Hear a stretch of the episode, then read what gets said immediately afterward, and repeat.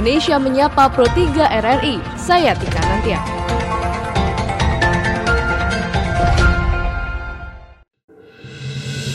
Dari Jalan Medan Merdeka Barat 45 Jakarta, inilah Radio Republik Indonesia dengan Warta Berita. Bersama saya Tika Nantia. Sari Berita, Ikatan Dokter Indonesia atau IDI mendorong revitalisasi puskesmas. Tunjangan kerja daerah atau TKD pegawai PNS DKI Jakarta dikatakan sangat besar. Inilah Warta Berita selengkapnya. Ikatan Indonesia atau IDI mendorong upaya promotif dan preventif untuk hidup sehat, di antaranya dengan cara merevitalisasi fungsi puskesmas. Upaya tersebut dinilai efektif untuk mengatasi berbagai persoalan, salah satunya di BPJS Kesehatan termasuk juga defisit anggaran.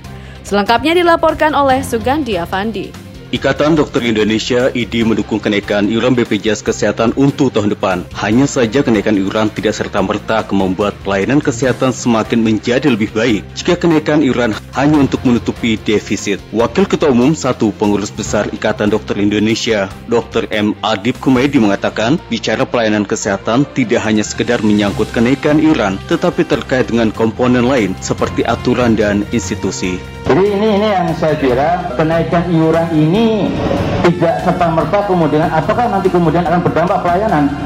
Saya masih belum bisa mengatakan bahwa akan berdampak pada kualitas pelayanan baik.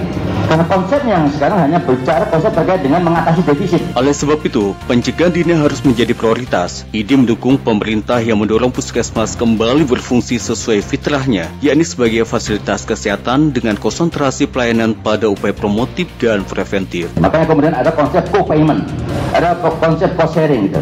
Oleh karena itulah maka preventif promotif ini harus dikedepankan dan preventif promotif itu bebannya bukan dari BPJS, bebannya ada di pemerintah pusat dan pemerintah daerah untuk mengembalikan merevitalisasi fungsi daripada puskesmas. Pendapat serupa juga diungkapkan oleh founder Cikini Study, Teddy M. Yamin. Menurutnya, pengobatan dan perawatan penyakit katastrofik yang memakan biaya besar BPJS Kesehatan dapat dicegah dengan kegiatan sosial promotif dan preventif. Bagaimana mengatasi penyakit katastrofik? Balik lagi apa yang disebut oleh Menkes sebelumnya bahwa langkah-langkah preventif, langkah-langkah promotif itu yang harus dilakukan. Penyakit katastrofik di antaranya adalah jantung, stroke, dan kanker. Pengobatan dan perawatan penyakit katastrofik menyedot biaya besar BPJS Kesehatan. Berdasarkan data BPJS Kesehatan, penyakit katastrofik yang dijamin pada tahun 2018 sebesar 21 persen atau 20,4 triliun rupiah. Kemudian tahun ini 16,4 triliun rupiah. Tunjangan kerja daerah atau TKD pegawai PNS DKI Jakarta sangat besar. Gubernur DKI Jakarta Anies Baswedan mengatakan tingginya TKD karena kinerja jajarannya meningkat dan masyarakat puas dengan kinerja pemerintah. Selengkapnya dilaporkan dalam laporan khusus oleh Rini Hairani. Sejak era Gubernur DKI Jakarta Anies Baswedan dan Wakil Gubernur Sandiaga Uno menjabat, pemerintah Provinsi DKI Jakarta membuat skema baru dalam memberikan tunjangan kinerja daerah atau TKD pegawai negeri sipil DKI Jakarta. Kebijakan itu diterapkan dalam rangka mencapai target laporan keuangan wajar tanpa pengecualian atau WTP dari Badan Pemeriksa Keuangan BPK. Seperti diketahui sejak era mantan Gubernur DKI Jakarta Basuki Cahaya Purnama atau Ahok, skema TKD PNS disesuaikan dengan Key Performance Indicator atau KPI. Secara garis besar KPI yang harus dipenuhi di antaranya kepuasan konsumen atau masyarakat, kualitas proses internal, performa pegawai dan kinerja finansial. Namun kini KPI yang harus dipenuhi PNS DKI ditambah menjadi 8 poin. Selain LHPBPK, indikator lain yang ditambahkan yakni open data, aset, dan monitoring evaluasi kegiatan. Monitoring evaluasi kegiatan tersebut harus selaras dengan penyerapan anggaran. Gubernur DKI Jakarta Anies Baswedan mengklaim besarnya TKD sejalan dengan kepuasan masyarakat terhadap pelayanan yang diberikan Pemprov DKI Jakarta. Meski demikian Anies mengaku masih banyak pekerjaan rumah yang harus diselesaikan. Pemerintahan itu bekerja dengan rencana. Kemudian nanti diukur keberhasilannya dari rencana itu terlaksana atau tidak. Ini berbeda dengan survei. Kalau survei itu mengukur perasaan, pikiran, pendapat publik. Kalau program pemerintah itu diukur berdasarkan terlaksana atau tidaknya rencana. Karena itu kami konsentrasi pada perencanaan ini, pelaksanaan. Kami bersyukur bahwa 73 persen penduduk Jakarta mengatakan kotanya lebih baik sekarang. Dalam satu tahun ada kemajuan. Kami bersyukur dengan perasaan itu. Tapi PR kita belum selesai dan sebagian memang tidak bisa selesai. Sementara itu pengamat kebijakan publik Agus Pambagio menilai dengan besarnya gaji dan tunjangan yang diterima jajaran Pemprov DKI Jakarta harus sejalan dengan target kerja PNS DKI yang tercapai dan terarah. Kalau ini tidak diperjelas gini, saya khawatir sebetulnya take home pay dari teman-teman di Pemprov itu ya sebesar ini sama. Nah sekarang kita minta jelas berapa sebetulnya dulu tunjangan-tunjangan itu lalu dimasukkan. Tetapi dengan resmi begini, saya minta juga nanti harus jelas KPI-nya. Dia misalnya dalam tiga bulan harus tidak boleh ada sampah di, di sekitar lurah misalnya. Kalau masih ada sampah, Anda langsung pindah atau copot ya. Atau misalnya dijamin tidak ada narkoba di daerah, dijamin dan seterusnya. Itu harus jelas KPI-nya yang harus dicek oleh inspektur. Karena kalau tidak, itu nanti tidak akan merubah. Jangan katakan bahwa orang korupsi karena gajinya rendah. Jangan. Tetapi sekarang bagaimana kita kasih KPI mereka? Itu yang yang kedua. Yang ketiga, jangan sampai uang ini mengurangi dana untuk pembangunan. Jika itu berkurang, lalu Pak Gubernur hanya menyerahkan pada swasta, di situlah masyarakat Jakarta harus membayar lebih mahal karena swasta untuk membangun dia pinjam uang bank, uang lembaga finansial. Pemberian tunjangan kinerja daerah ini juga telah diatur dalam Peraturan Gubernur Nomor 207 Tahun 2014 yang ditandatangani Basuki Cahaya Purnama pada 29 Desember 2014 dan berlaku mulai Januari 2015 lalu. Adapun besaran gaji PNS DKI yang jumlahnya fantastis itu sudah termasuk gaji pokok, tunjangan jabatan, tunjangan kinerja daerah statis atau kehadiran pegawai, tunjangan kinerja daerah dinamis, serta tunjangan transportasi bagi para pejabat struktural seperti lurah atau kepala dinas. Sementara pejabat fungsional di masing-masing satuan kerja perangkat daerah hanya mendapatkan gaji pokok, tunjangan jabatan, TKD statis dan TKD dinamis tanpa tunjangan transportasi. Sekian warta berita produksi Radio Republik Indonesia. Pendengar saat ini banyak orang yang menyoroti tentang kinerja pemerintah Provinsi DKI Jakarta. Tentu saja RRI juga ikut menyoroti hal itu dari aspek peningkatan kinerja dan juga tunjangan pegawai Pemda DKI Jakarta. Untuk pembahasan terkait hal ini, pendengar kami sudah menyiapkan komentar RRI yang disusun dan disampaikan langsung oleh redaktur senior Pro 3 Widi Kurniawan berikut ini. Editorial Pro 3 Selamat pagi pendengar. Apabila kita bandingkan gaji dan tunjangan kinerja aparatur sipil negara, pegawai negeri sipil di lingkungan pemerintah Provinsi DKI Jakarta dengan pegawai negeri di berbagai pemerintahan daerah lainnya, maka kita dapat dibuat takjub ini sebenarnya sudah lama dan makin lama memang makin fantastis pada era Basuki Cahya Purnama alias Ahok. Kemudian pada era kepemimpinan Anis Sandi sejak tahun 2018 angkanya juga semakin fantastis bila dibandingkan dengan aparatur sipil negara lainnya di daerah lain bahkan termasuk ASN pada lingkup instansi vertikal. Mengutip dari Pos Kota News, Pejabat eselon 4 seperti lurah di DKI Jakarta akan dapat angka 33 juta rupiah gaji dan tunjangan. Kemudian pejabat eselon 3 seperti camat akan dapat 44 juta rupiah. Kemudian pejabat eselon 2 seperti kepala biro dan wali kota dapat antara 70 sampai dengan 75 juta rupiah take home pay. Sementara kepala badan mendapat 78 jutaan rupiah cukup fantastis untuk ukuran aparatur sipil negara pegawai negeri sipil. Gubernur DKI Jakarta sendiri Anies Baswedan mempersilahkan pegawai negeri dari berbagai instansi lain untuk mengisi jabatan di lingkup pemerintahan Provinsi DKI Jakarta bila ada yang kosong melalui mekanisme lelang.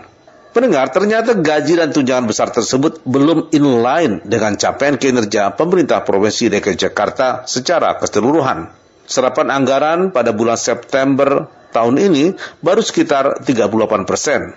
Gubernur DKI Jakarta Anies Baswedan juga mengeluarkan peraturan gubernur terkait pemotongan TKD untuk meningkatkan serapan anggaran tersebut.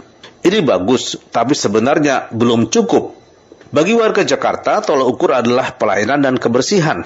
tidak ada alasan sebenarnya bagi pemerintah Provinsi DKI Jakarta untuk tidak mampu mengelola Jakarta karena anggarannya besar mencapai 86 triliun rupiah tiap tahun. Ketika muncul angka anggaran aneh-aneh di anggaran pemerintah Provinsi DKI Jakarta yang sedang dibahas DPRD DKI Jakarta, sebenarnya itu juga masalah kinerja.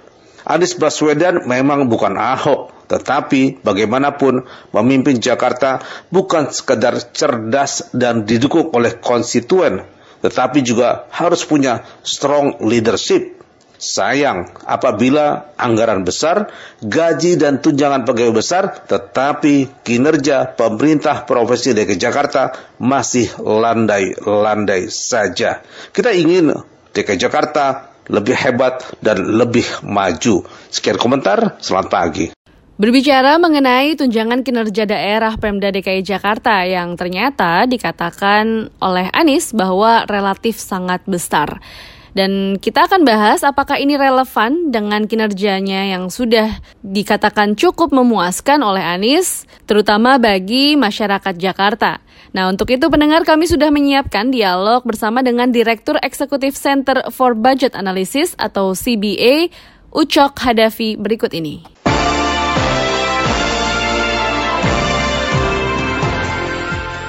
Ya, Bang Ucok selamat pagi. Iya, selamat pagi Pak. Baik, Bang Ucok, ini kan TKD Pemda, pegawai Pemda DKI Jakarta dianggap sangat besar. Kalau Anda melihat, apakah memang realistis karena ini ibu kota atau bagaimana? Iya. Ya jangan jangan diomongin lagi tentang TKD, nanti yang disalahin Ahok lagi, Ahok lagi. ini kalau jadi pilih ini nanti bisa disalahin Ahok ini. Iya, iya bukan gua yang buat ini mm -hmm. gitu kan gitu. Mm -hmm. ya memang sangat besar sekali nah, oke okay. jangankan pemerintah daerah ya pemerintah pusat aja bisa kalah dengan TKD tunjangan-tunjangan ini mm -hmm. kayak gitu loh e, apa namanya kalau kita lihat ini sebetulnya tunjangan ini kan harus sejajar dengan kinerja ya mm -hmm. dengan apa yang mereka bikin kayak gitu ya gitu ternyata kan saat ini kan pelayanan-pelayanan DKI aja kan ini ya sangat apa namanya masih sangat lamban hmm. kayak kayak gitu ya hmm. gitu kan bukan lamban dan jelek kayak hmm. gitu. Hmm. Oh masih jelek ternyata ya pelayanan jelek. publik di eh, DKI. Itu misalnya apa di kelurahan di kecamatan hmm. gitu ya uh, pimpinannya malah ngurusin ini apa namanya PS PS PPSU itu yang apa uh, tenaga kebersihan itu kayak mm -hmm. gitu loh. Mm -hmm. Jadi ini tunjangan udah gede gitu kan. Mm -hmm. Ternyata tunjangan gede ini kan seharusnya kan meningkatkan kinerja gitu. Yeah. Meningkatkan pelayanan mm -hmm. gitu pada masyarakat gitu. Tapi memang malah pimpinannya ini masih fokus kepada mencari duit lagi mm. di di pasukan orang-orang ini. Mm -hmm. Kayak gitu loh. Masyarakat lain kan gede juga dananya ini kan. Yeah. Bukti-bukti sana, bukti ini. Masih fokusnya ke situ doang, banyak fokus ke sana. Mm -hmm. Kayak gitu loh. Mm -hmm. Itu yang uh, apa namanya? Uh, itu yang kita lihat selama ini kayak gitu. Jadi ternyata TKD besar tidak berbanding lurus dengan kinerjanya, dengan pelayanannya, kemudian juga uh, masih dalam tanda kutip masih mencari sasaran-sasaran gitu, uh, Bang Ucok. Iya, iya masih cari sasaran. Ini artinya apa? Ini kan DKI saat ini defisit gitu ya, mm. defisit gitu ya. Padahal dalam belanja mereka yang 2019 atau 2010 yang saat ini dirancang, mm -hmm. sebetulnya banyak anggaran kelebihan-kelebihan, mm -hmm. gitu ya, yang harus dipotong, dialokasikan ke yang lain, mm -hmm. kayak gitu loh. Itu yang itu betulnya yang saat ini gitu. Tapi ini kita defisit, ini defisit, defisit gitu. Sumber keuangannya nggak ada, tapi belanjanya sebetulnya itu sangat uh, apa namanya gemuk gitu ya belanja okay. gemuk gitu dan itu banyak sebetulnya belanja-belanja DKI selain gaji gitu ya gaji pegawai pegawai yang untuk TKJ atau apa pun gitu kan. hmm. kan itu uh, pegawainya terlalu ini terlalu nikmat gitu terlalu hmm. Uh, terlalu apa namanya terlalu keenakan gitu oke okay. gitu loh nah. jadi zona nyaman ya kalau dari iya. jumlah dari kuantitas bagaimana apakah juga mengalami kegemukan uh, pegawai Pemda DKI ini ya kemarin kan itu yang kita kritik kayak gitu kan. Ya. Jadi ya, alasan mereka ini tunjangan ini sesuai dengan apa yang mereka kerjakan gitu kan. Mm -hmm. Misalnya uh, uh, seorang camat kan gede sekali kan itu karena ada beberapa dikerjain hmm. gitu loh hmm. tapi kalau kita hitung-hitung gitu kan gitu ya kita hitung-hitung antara kerja yang nggak seberapa tapi bodinya gede kayak gitu mm. kayak gitu padahal ke, kerjanya nggak seberapa gitu nah satu kerjaan ini misalnya ada duitnya gitu kan Nah, ini bisa dibagi bagi itu ini kerjaan gampang bisa dibagi-bagi atau apa kayak gitu. Nah itu tapi tetap aja ya. uangnya gede kayak gitu. Tapi uangnya ada, anggarannya ada, anggarannya besar di DKI. Jadi kalau misalnya gaji pejabatnya besar, tidak masalah. Nah, bagaimana kalau ada anggapan seperti itu? Iya memang betul anggarannya ada, tapi kita kan sekarang mengalami DKI itu kan mengalami defisit. Mm -hmm. Sekali DKI ini gitu kan defisit, defisit gitu kan. Dari 90-an sekarang udah 80-an gitu ya, 80 mm -hmm. lebih. Gitu. Seharusnya mau nutupi defisit ini anggaran yang besar-besar ini yang agak gemuk-gemuk ini kayak PKD kayak mm -hmm. gitu kan itu sebetulnya bisa di bisa dipotong kayak gitu. Oke. Okay. Baik, minimnya pelayanan atau uh, kurang baiknya pelayanan atau kinerja yang dilakukan oleh pejabat atau ASN di DKI Jakarta, apakah memang ini juga terkait dengan kurangnya tingkat kepuasan masyarakat uh, warga Jakarta? Anda melihat seperti apa, Bang Ucok? Iya, uh, apa namanya? Kalau masa pelayanan pelayanan kayak gitu ya, kayak gitu ya. Hmm. Uh, misalnya di rumah sakit kayak gitu kan. Hmm. masih antri kayak gitu kan. Nah gitu. Sekolah-sekolah juga sekarang DKI lagi bangun sekolah gitu kan. Tapi kita lihat kan masih ada juga gedung yang uh, masih rusak kayak gitu hmm. gitu kan. Masih tidak bagus. Jalan-jalan juga masih banyak berlobang gitu. Memang kita lihat ada jalan nasional ada jalan DKI tapi jalan-jalan DKI itu kan banyak juga yang nggak diperhatikan kayak hmm. gitu. Nah sekarang uh, jalan udah sempit gitu kan udah itu dibikin trotoar gitu yeah. kayak yeah. gitu ini, ini kita semakin kita yang apa pembayar pajak gitu ya yeah. jadi apa sepeda motor ini kan banyak paling besar di kayak ini gitu kan hmm. malah jatah jalan itu dikurangi kayak gitu ini, ini loh DKI ini itu kadang-kadang ini uh, partisipasi masyarakat itu nggak dibuka ruangnya itu okay. misalnya nih uh, jalan ini jalan-jalan yang dikasih trotoar ini ini masyarakat setuju atau enggak gitu itu enggak ada kasih ke apa namanya komen atau apa pun mereka bangun aja mentang mentang duitnya banyak hmm. bangun total-total sampai 1,1 triliun gitu hmm. kan hmm. nah ini kan sangat melukai ini kan masyarakat jadinya ya. kayak gitu. Jadi banyak pengeluaran-pengeluaran juga selain TKD-nya besar, kemudian banyak pengeluaran-pengeluaran, banyak sektor-sektor juga yang pengeluarannya ya. tidak tepat begitu Bang Ucok. Iya, tidak tepat kayak gitu kan, pengeluaran itu kayak gitu kan. Hmm. Uh, apa namanya? Apalagi DKI itu kan pengangguran juga banyak, kayak gitu kan masih hmm. banyak pengangguran di DKI ini, kayak gitu. Oke. Okay. Uh, gitu, uh, Kalau pengangguran ini memang warga DKI-nya atau warga perantauan yang datang ke DKI kemudian belum dapat kerja? Ada juga uh, saya lihat ada ya? juga apa warga DKI kayak gitu kan ada juga perantauan hmm, kayak hmm. gitu kan perantauan kemarin dibolehkan kan yeah. belakang kayak gitu kan dikasih ini kan betul dikasih lampu hijau sama itu kan Oke. Okay. Apalagi gitu. Oke, okay, kembali soal bagaimana besarnya TKD yang didapat oleh pegawai Pemda DKI Jakarta. Artinya kalau misalnya nanti ada kenaikan gaji PNS sebesar 5%, nggak terlalu bermasalah ya untuk uh, eh, ASN di DKI karena tunjangannya udah besar itu tadi. Iya, sebetulnya tunjangan ini memang gitu ya, uh, apa namanya terlalu besar. Seharusnya gitu ya, uh, minimal itu uh, kalau seluruh Indonesia kan mereka paling besar DKI ini, yeah. apalagi pemerintah pusat kayak gitu. Harusnya dihitung aja, harus dihitung ulang kayak gitu loh. Mm-hmm. Dihitung ulang karena uh, dari sisi pekerjaan yang mereka kerjakan itu sebetulnya uh, nggak perlu tangan lah gitu atau nggak perlu uang sebanyak itu yang harus dikeluarkan oleh hmm. DKI kayak gitu. Hmm. gitu. Jadi harus ada uh, pengurangan TKD untuk ASN di DKI. Saya kira Menpan ya dan Menteri Dalam Negeri harus turun tangan, gitu okay. ya.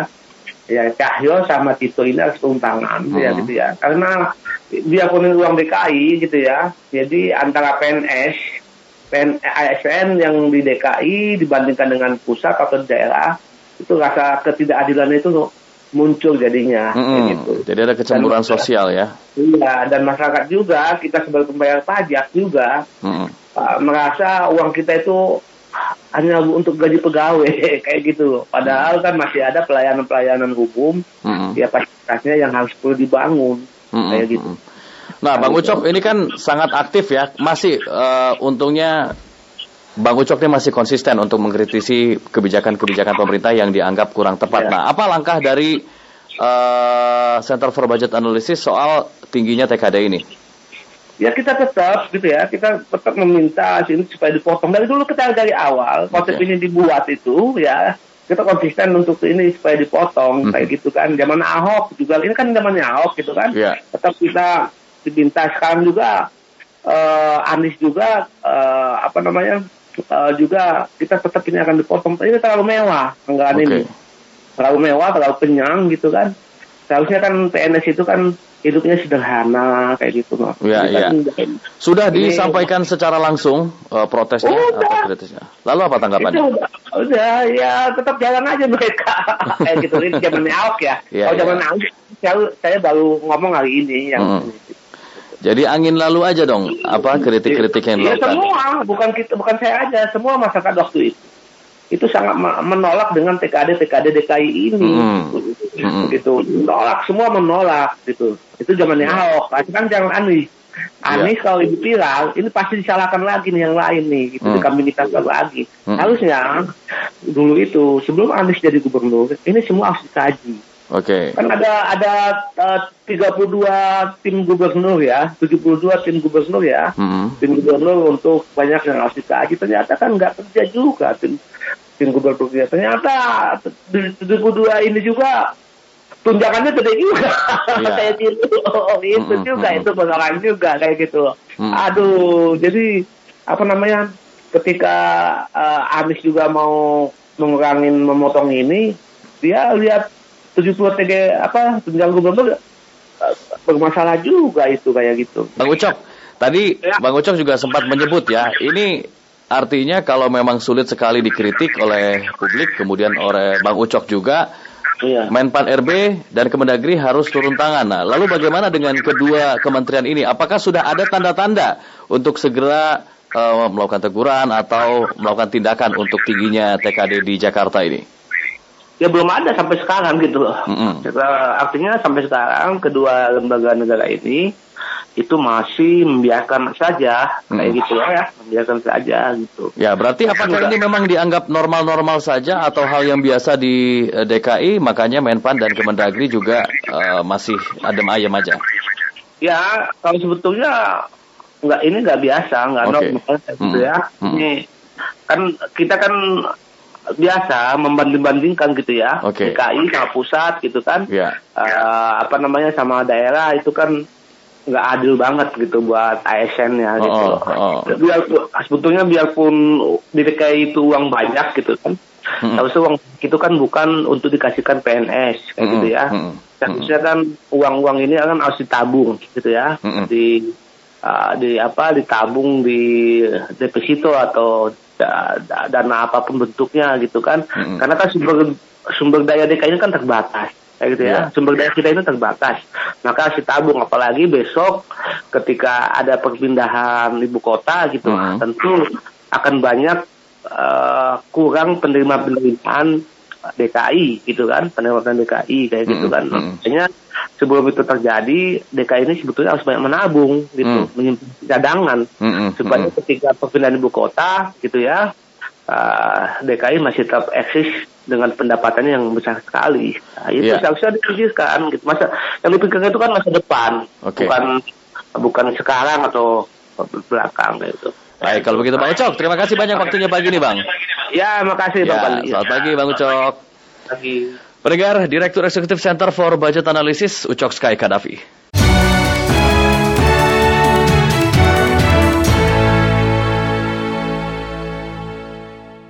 Pendengar informasi tadi sekaligus mengakhiri perjumpaan kita pada podcast edisi hari ini untuk Indonesia Menyapa Pro 3 RRI Produksi Radio Republik Indonesia. Saya Tika Nantia undur diri, sampai jumpa, salam.